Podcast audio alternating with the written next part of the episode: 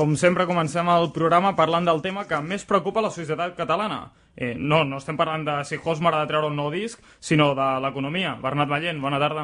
Bona tarda, Adrià. Ah, avui ens vols parlar d'una proposta d'Oriol Junqueras? Exactament. Oriol Junqueras, personatge que ara sembla cap dalt, més important que Mas, degut a, doncs, que té la clau del govern, com sortia a Polònia.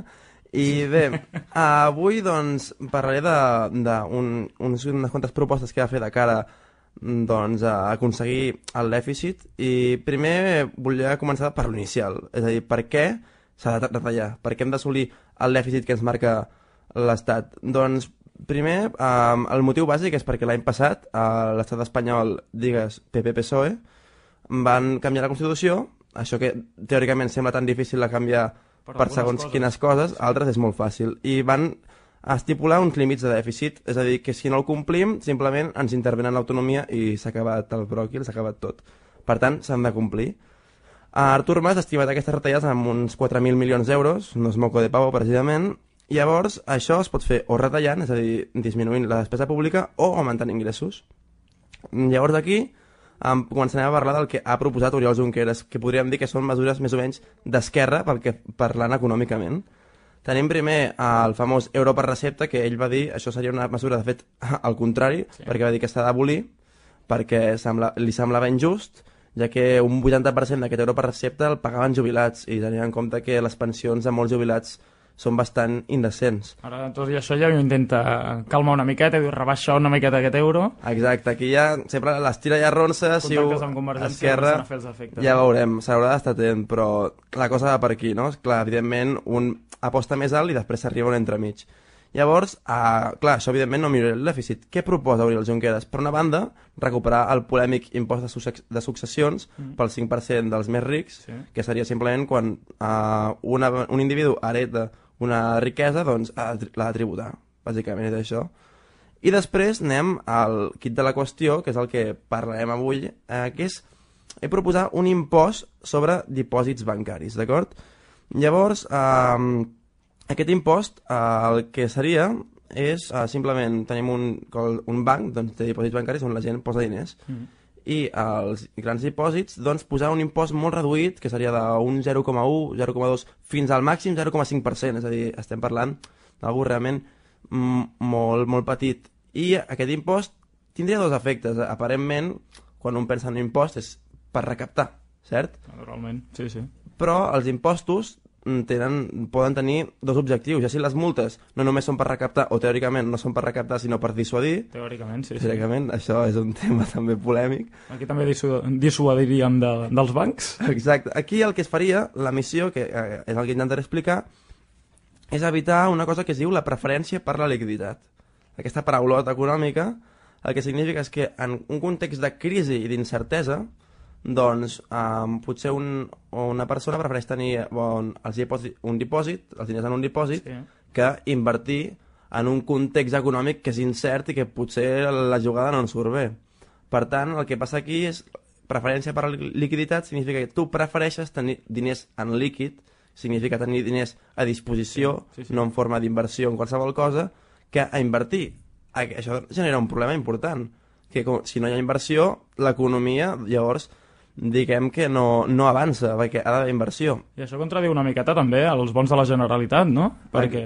Exacte, sí, bueno, els bons de la Generalitat són un tema que ja està que ja no en tindrem de bons de la Generalitat, segons el que s'ha vist, perquè s'hauria de pagar uns interessos tals que diria que eren rondaven el 7%, és a dir, és una brutalitat que per demanar 1.000 euros el, hagis de tornar 1.007 al cap, 1.070, perdó, al cap d'un any és és una que mm, diria que la, la Generalitat ja no ho contempla, perquè és, és un desastre, realment. Llavors, aquest impost el que voldria fer és que, clar, hòstia, ara t'estan gravant amb un impost aquest dipòsit.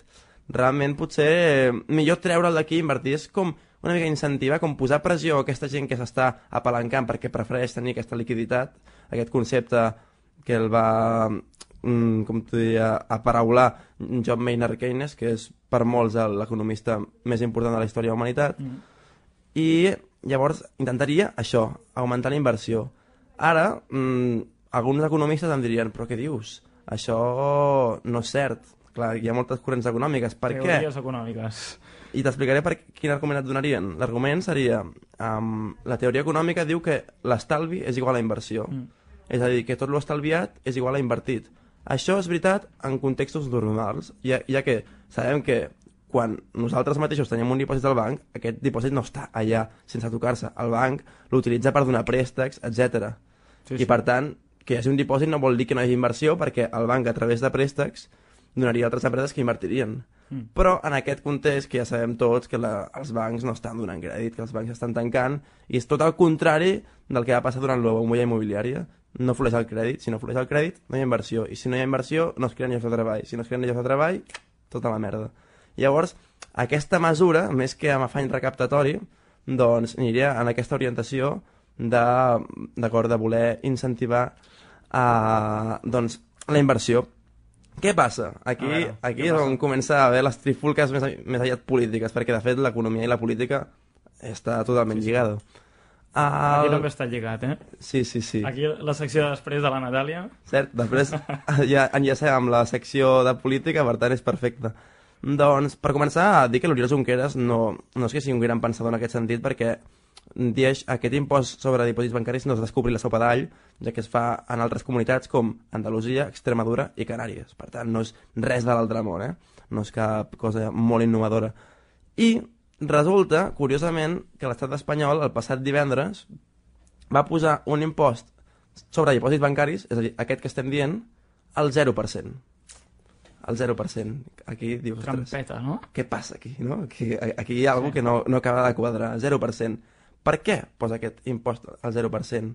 És una manera de bloquejar els impostos que puguin posar comunitats autònomes, perquè la llei diu que no pot haver duplicitat d'impostos. És a dir, un impost sobre, sobre un fet imposable només pot, només pot haver, estar una vegada, no pot haver duplicitat. Té la seva lògica, però clar, aquí hi ha un impost al 0%.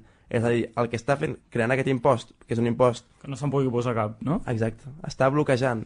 Què passa? Ah, evidentment, les tres comunitats, comunitats esmentades abans, no?, que tenien l'impost i ara el deixaran, no podran posar-lo per llei, doncs hauran de ser recompensades i l'Estat les compensarà.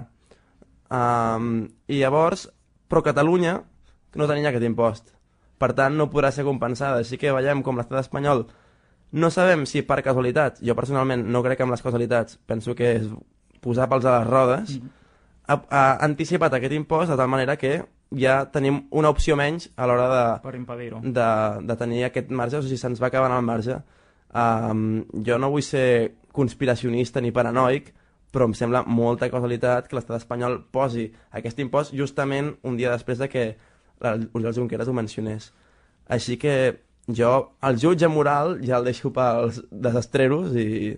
Sí, aviam. sí. Que, que cadascú tregui les seves conclusions i vosaltres les traureu a, a la web pompeonomics.com que recomanem entrar-hi vivament perquè ells analitzen tota l'actualitat econòmica política d'aquest món complicat que estem vivint avui en dia. Bernat Vallent, bona tarda. I Fins la propera setmana, Ens Adrià. veiem dimarts que ve, que passin un bon pont i això, anem a parlar de, de política.